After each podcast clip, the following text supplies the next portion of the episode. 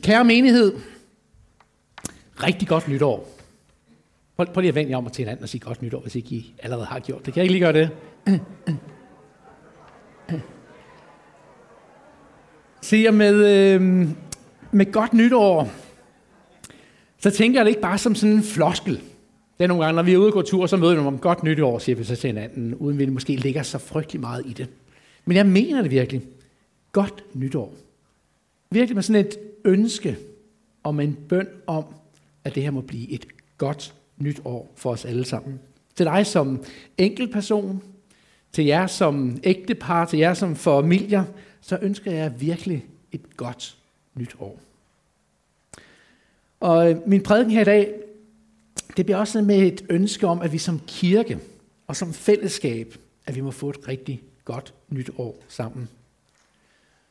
Og så tænker man til at tænke på, hvordan måler man, hvad et godt nytår er? Og vi sidder måske med alle mulige forskellige tanker og billeder om, hvad det kan være. Det skal jeg nok komme tilbage med til lige om et lille øjeblik. Jeg synes, den runger en smule. Kan den... Øhm, og min prædiken her i dag, det bliver måske, beklager lidt, måske lidt mere sådan en nytårstale. Øh, ikke fordi jeg på nogen måde vil lægge mig i slipstrømmen med hverken vores dronning eller noget som helst andet her. Men, øh, men øh, mere end sådan et egentlig eksegetisk bibelarbejde, som jeg vil gå ind i her. Så beklager lige for det her, hvis det er. Men godt nytår er det, som jeg vil tage mit afsæt i. Og kirken, kirken med stort K, altså den universelle kirke, det kristne fællesskab, fællesskabet omkring Jesus Kristus, samling om ham, det sammenlignes meget ofte med et folk, som er på en vandring. Øh, og jeg ved ikke med jer, men jeg synes billedet passer fantastisk godt. Fordi det er at opleves som en vandring gennem livet. Nogle gange kan det måske godt være, at vi kommer til at føle det mere som en eller anden form for en famlen frem. Øh, men jeg, jeg synes, det er meget godt billede. Fordi her der, der tales om, hvordan vi støtter og hjælper hinanden og er på den her vandring sammen gennem livet. Det kommer til udtryk i dagligdagen, kommer til udtryk i vores alenetid sammen med Gud. Det kommer til udtryk, jeg har sådan en medvandrer, som jeg mødes med hver måned, hvor vi sammen, bærer sammen og stiller spørgsmål til hinanden, udfordrer hinanden på livet. Også der, der får lov til at opleve, der er det en vandring, som vi er på. Har en mentor, som jeg har været. Vi har vores netværksgruppe, som jeg mødes med. Lige i øjeblikket så er vi i gang med i vores netværksgruppe at gennemgå Jesu lignelser. Og der stiller vi spørgsmålet, hvad er det, de her lignelser giver til os i dag? Hvad betyder det for mig og hvad betyder det for os? Hvordan kan vi gøre det nærværende ind i vores liv? Og der er det også en vandring, hvor vi famler os frem, hvor vi at gribe det, som Gud har til os alle sammen. Så jo, jeg synes, metaforen om kirken som en vandring er en god beskrivelse af, hvordan det ser ud. De første kristne, de blev faktisk også kaldt dem, som fulgte vejen, eller slet og ret bare sådan, vejen blev det også omtalt som. Og Jesus kalder sig selv som for vejen, sandheden og livet. Og en vej er jo sådan et, eller et vandringsfællesskab, det er jo faktisk noget, som beskriver en bevægelse.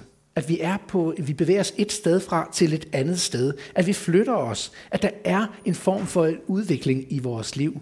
Ikke sådan, at vi bare om et år kan se tilbage og sige, når man, vi er nøjagtigt samme sted, som vi var sidste år. Men at vi rent faktisk har bevæget os, og vi har flyttet os fra det ene sted til det andet. Så når jeg taler om et ønske om os, for os alle sammen et godt nytår, så er det et ønske om, at det må blive et år, hvor vi også har de her ting i mente. At der faktisk sker en bevægelse. At der sker en vandring. At der sker en forandring over den tid, som vi står overfor. Så vi kan se tilbage og sige, at der er faktisk sket en forandring. Vi er et nyt sted om et år, når vi så nu ved jeg godt, at der er nogen, der måske stejler lidt over det her. Og det er specielt måske jer, der på jeres arbejdspladser er vant til, at der bliver sat salgstal eller salgsmål op, hvor meget der skal sælges, eller nøgletal for omsætninger, eller hvor mange borgere i hver især skal nå at have talt med, og have nået og, og været ude hos, alt afhængig af hvilken slags arbejde de nu har, og hvordan de nu gør tingene op. Og det er alt sammen noget, der bliver skabt for at prøve at presse os lidt mere, gøre os lidt mere effektive, optimere det, vi gør. Jeg ved, nogle af jer har garanteret også hørt de her udtrykkene, work smarter, not harder. Vi skal bare gøre mere, vi skal præstere mere, vi skal sørge for, at tingene bliver gjort. Og det kan være, at du sidder og tænker, jamen bør kirken ikke være det stik modsatte? Et sted, hvor vi bare kan få lov til at være, og vi ikke behøver at skulle præstere på nogen måde. Og jo, for kirken og livet med Gud, det handler ikke om, at vi skal præstere mere og mere. Det er ikke det, som jeg vil tale om. Det er ikke der, vi skal hen.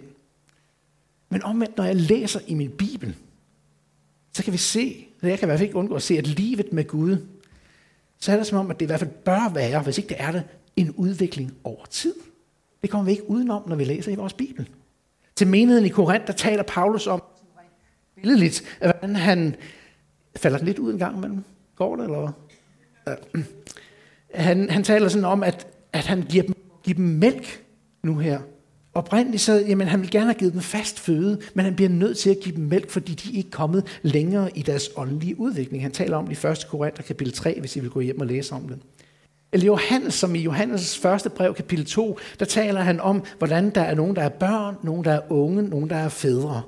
Han taler ligesom om forskellige niveauer, en form for en åndelig udvikling, som kommer til at ske, og som vi alle bør vokse i.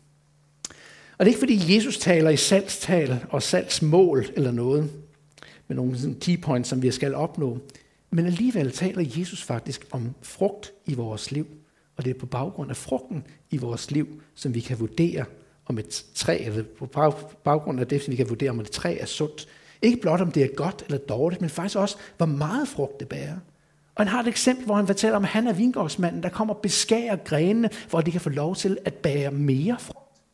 Så der er en form for en udvikling. Og i Galater, der kan vi læse om Paulus, hvor han taler om, hvad den her åndens frugt er. Det er kærlighed, glæde, fred, tålmodighed, venlighed, godhed, trofasthed, mildhed og selvbeherskelse. Det er åndens frugt, som han beskriver det. Så der er en udvikling, der er en bevægelse, der er en udvikling, eller en flytten fra et punkt over til et andet punkt, og det tror jeg simpelthen også gælder for vores liv med Gud.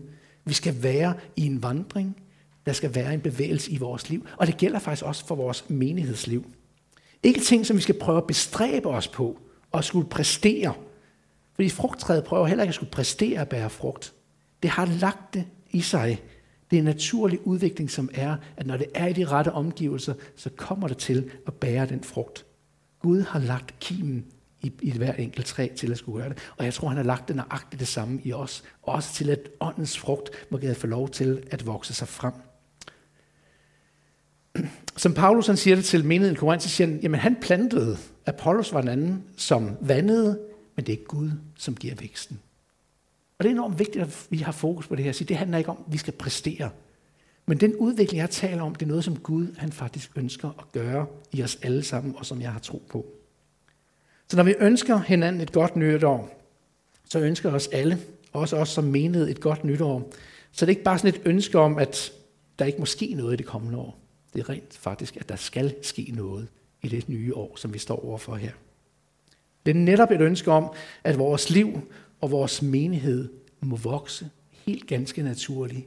I det gudsgivende vækst, som det må det, som kendetegner os, det må være en god og meget frugt, som kommer til at vokse frem. Ikke så meget handler det om antalsmæssigt, det ikke det, jeg ser på, men de her åndens frugt, som Paulus beskriver om. Og så tror jeg simpelthen også, under de rette omstændigheder, så vil det også give en frugt, fordi det vil smitte af på andre mennesker også. Det er i hvert fald det, som Bibelen beskriver os. Så når jeg taler og siger godt nytår til os alle sammen, så er det faktisk det, jeg ønsker for os alle sammen. Hver en, og os som menighed. At det må blive et år, hvor vores tro vokser, og hvor vores kærlighed til såvel Gud som hinanden må få lov til at vokse og fordybes. At glæden og freden må kendetegne os endnu mere. At tålmodighed, venlighed, godhed, trofasthed, mildhed og selvbeherskelse må være det, som kendetegner vores omgang med hinanden og de mennesker, som vi er sat til at betjene og være midt i blandt. At vi må vokse i den her gudsgivende natur, fordi Gud har lagt det i os, og vi er beregnet til, at det skal få lov til at blomstre frem. Det er ikke ting, vi skal anstrenge os for at gøre, men det er frugt, som vokser ud af vores relation sammen med ham. Det er det, som giver os næring og liv indtil det, som han har skabt og lagt i os. Nu ved jeg godt, sådan en første søndag i et nyt år, så er det måske stille, relevant at stille spørgsmålet, jamen, hvordan kan kirken så, det kristne fællesskab, som det kommer ud til udtryk her i bykirken, hvordan kan vi bevæge os hen i en retning, hvor vi kan være med til at understøtte denne udvikling for hinanden? Hvor går vejen? Hvad er destinationen? Hvad er det for en vandring, vi skal ud på? I hvilken retning skal vi gå? Fordi verden omkring os forandrer os, og vi vil også forandre os i kirken her. Der vil helt sikkert, sikkert ting, ske ting i løbet af det nye år, som også vil komme til at forandre os, som vil spille ind på udviklingen. Vi forandrer os alle sammen, fordi livet er dynamisk. Og vi er i såvel som i ledergruppen som i vores lederforum, som vi også kalder det, der har vi startet sådan en proces, hvor vi begyndt at samtale omkring vores tanker og visioner for kirken. Så hvor er det vejen går. Og det kommer vi til at arbejde en hel del mere med i det, i det kommende år. Øhm, vi har haft samtaler omkring vores trosgrundlag, om vores værdier, og så har vi lige begyndt den nye proces omkring det her med vores visioner. Hvordan er det, det skal se ud? Hvordan er det, vi kan være med til at understøtte den her udvikling? Og nogle gange har jeg været med i sådan nogle samtaler i andre forer, hvor vi har talt omkring visioner, specielt i kirker og i sådan kirkelige organisationer, så er der ofte blevet refereret til et, et ordsprog fra ordsprogenes bog, kapitel 29, vers 18. Og næsten altid har der været sådan med sådan en tolkning, som vi finder den i King James Version. Det er lidt sjovt, fordi det er faktisk den eneste version, engelsk version, som har den her tolkning. Ja, næsten alle de andre engelsk har lidt anderledes. Men der lyder sådan her, Where there is no vision, the people perish. Altså hvor der ikke er en vision, der forsvinder folket, der forgår folket. Og det passer så rigtig godt ind i vores management-tænkning. Og det med visioner. Vi skal opsætte visioner og mål, og så der, jamen hvis ikke vi har en vision, så vil det hele gå helt galt. Jeg er typen, der tror på, at det er godt, at vi har en samtale om kring de her ting, om søgen efter Gud, hvad det er, han ønsker, vi skal ske i fællesskabet, i ham og med ham, og hvordan det skal komme til udtryk her i den lokale kirke også. Også ud fra det, at vi prøver at definere en vision, sætte nogle ord på, hvad er det, vi oplever, Gud han vil lede os ind i. For det hjælper os til at lægge en handlingsplan, og til nogle gange kunne sige, hvad er det, vi skal gøre? Skal vi sige ja eller nej til nogle ting? Nogle ting skal vi måske sige, det venter vi lidt med. For mig så er det sådan en motivationsfaktor til at sige, ja, okay, jeg ser et billede af, hvor det er, vi er på vej hen som kirke, og har lyst til at være medarbejder på det. Men når man så bruger det her skriftsted, lige præcis til at prøve at understrege, at det er som en Guds ting, så, så tror jeg faktisk, at man misbruger det lidt. For jeg tror ikke, det er det, der handler om, når vi læser i Bibelen. I den danske udgave står der heldigvis også, at uden syner, at folk ladt i stikke.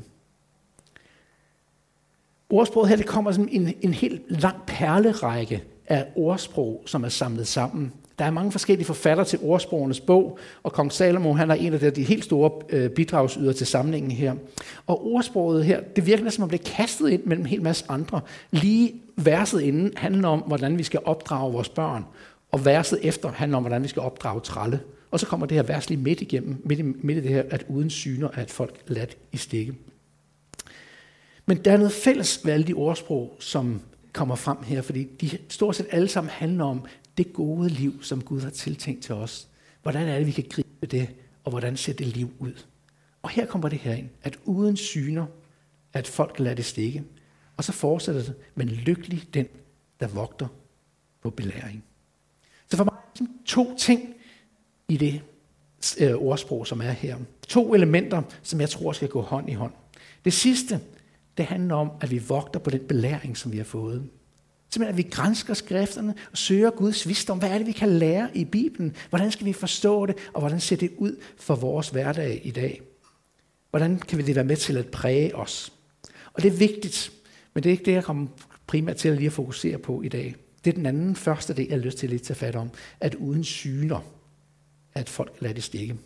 Det er ikke synsninger, det har vi sådan rigtig meget af i dag. Hvad synes du? Om jeg synes, og det føles et eller andet. Så det er ikke den synsninger, det handler om, men det er syner.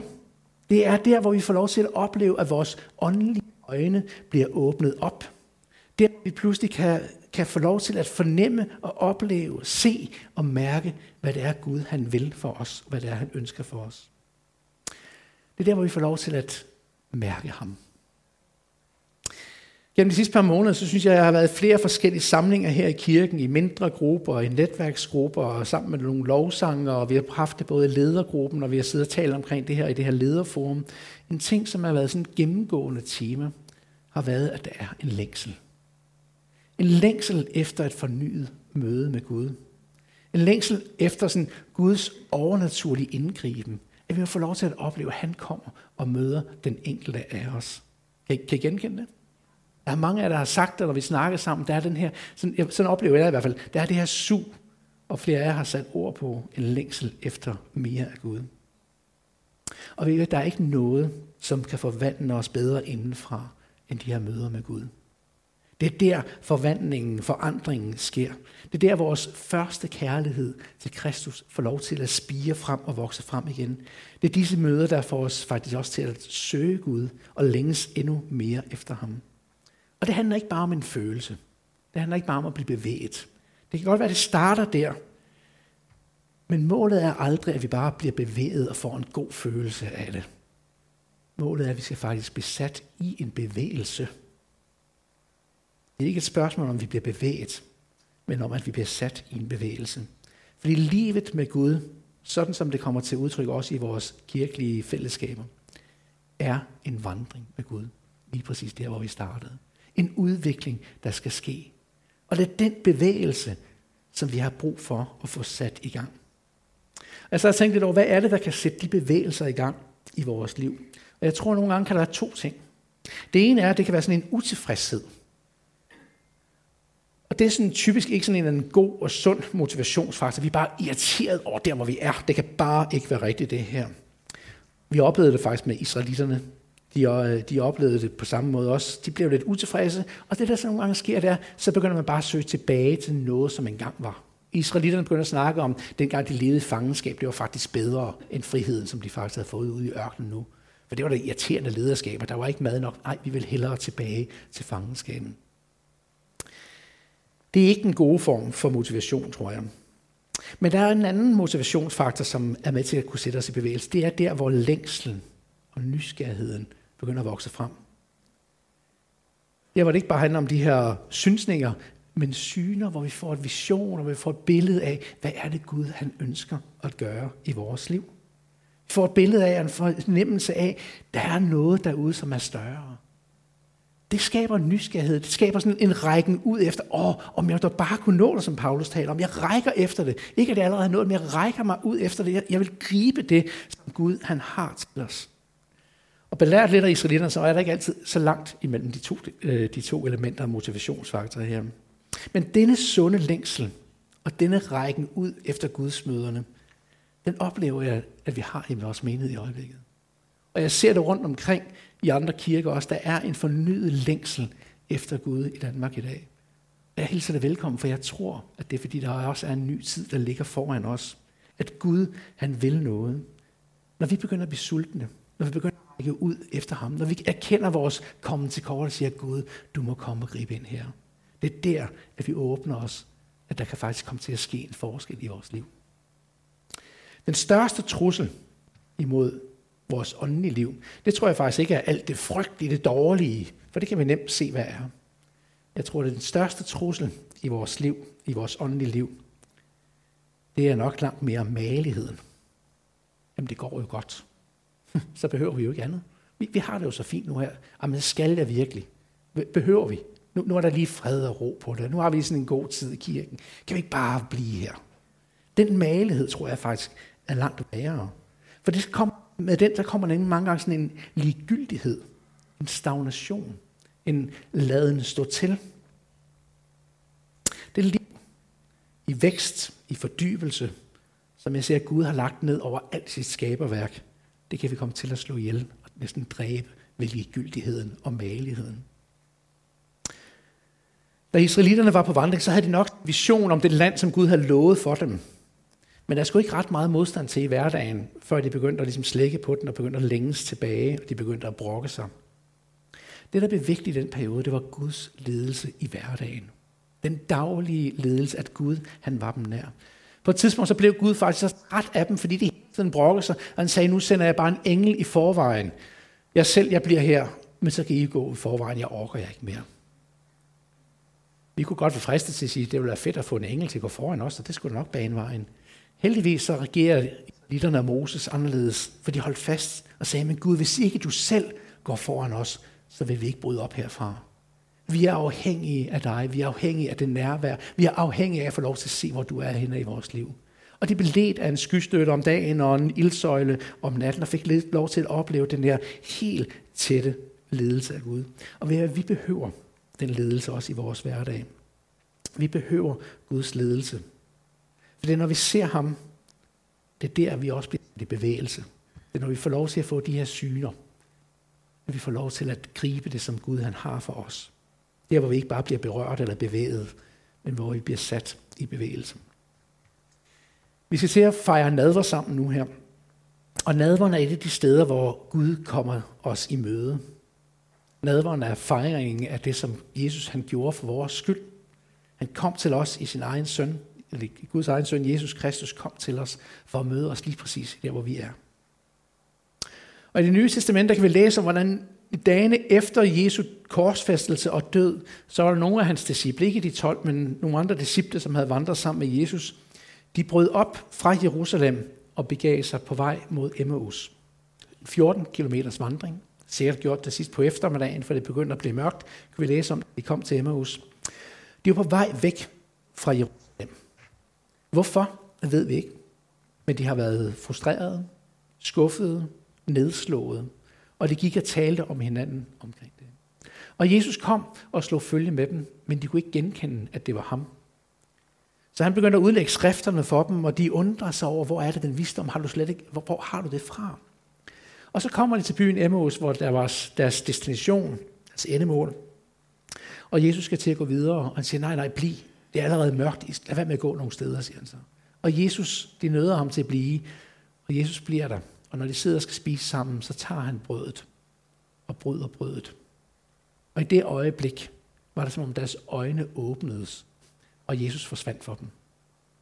Men lige der, som jo er en klar symbol ind på nadveren, og det, som de har haft oplevet tidligere med Jesus, da han brød brødet øh, langfredag aften, eller skal torsdag aften, lige der, der så de, jamen det var jo Jesus, vi havde vandret sammen med.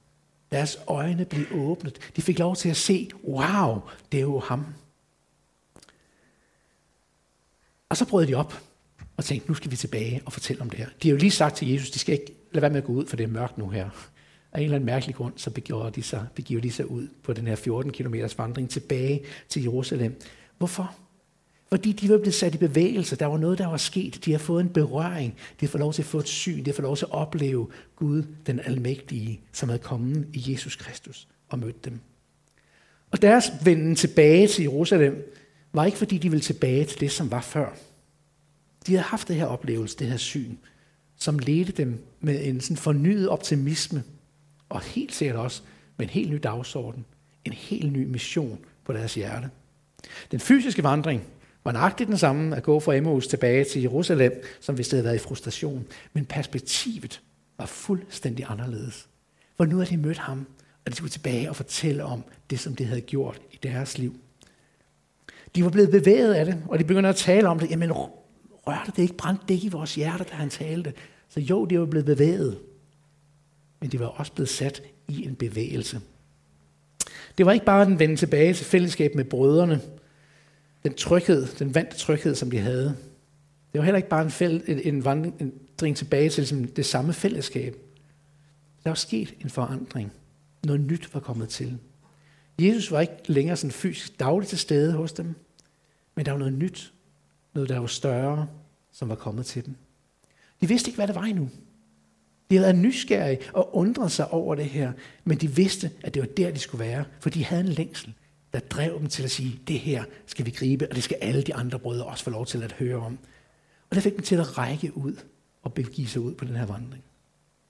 Og jeg kunne godt tænke mig, at vi benyttede vores nadverstund sammen nu her den første søndag her i året, til også at prøve at lade det være den her tid, hvor vi hver især sætter ord på, eller lader modtagelsen af nadveren blive et udtryk for en bøn til Gud om, at han må åbne vores øjne. At vi må se ham. At også vores skæld må få lov til at, at forsvinde fra vores øjne, at vi må se, hvem han er. Og få lov til at mærke den her berøring i vores hjerter. Ikke bare, at vi bliver bevæget, men at til at vi bliver sat i en bevægelse. Til vi får en nysgerrighed, en ny længsel efter at gribe mere af det, som han har til os. For jeg tror på, at han har så meget mere til os. Jeg kan frygte nogle gange, også i mit eget liv, at gå hen og blive for malig. Men jeg tror på, at Gud han har mere til hver enkelt af os. Vi er ikke i mål endnu. Havde vi været det, så havde han nok taget os hjem. Han har mere til hver enkelt af os. Der er ingen af os, der kan undsige det. Så længes du mere efter ham. Længes du også efter, at det skal se mere af ham i vores fællesskab. At han må blive synlig. Det kan godt være, at følelsen ikke er helt fremme nu her, men så lad det blive en bøn om, at Gud, du må åbne mine øjne. At du må bevæge mig, og du må sætte mig i bevægelse. Og jeg har lyst til at give god tid til nadveren her i dag. Øhm, kom op, tag nadveren, stil dig over til korset, knæle ned foran korset, hvis du, hvis du har brug for det. Og jeg har lyst til også bare at opfordre til, har du lyst til, at der er nogen, der beder for dig, så bliver det ikke arrangeret med en masse forbøn, men grib fat i en af dem, der står ved siden af dig. Vi er et fællesskab. Vi famler os sammen. Så spørg, vil du ikke lige være med til og bede for mig? Eller vil du give mig en velsignelse? Bare bed om Guds velsignelse. Vi er alle sammen kaldet til at skulle gøre det her. Så lad os bruge nadvåren på en særlig måde til at sige, Gud, må du komme, og må du løfte sløret for mine øjne, at jeg må få lov til at se dig. Må du komme, bevæge mig, rør mig, men sæt mig også i en bevægelse hen imod dig.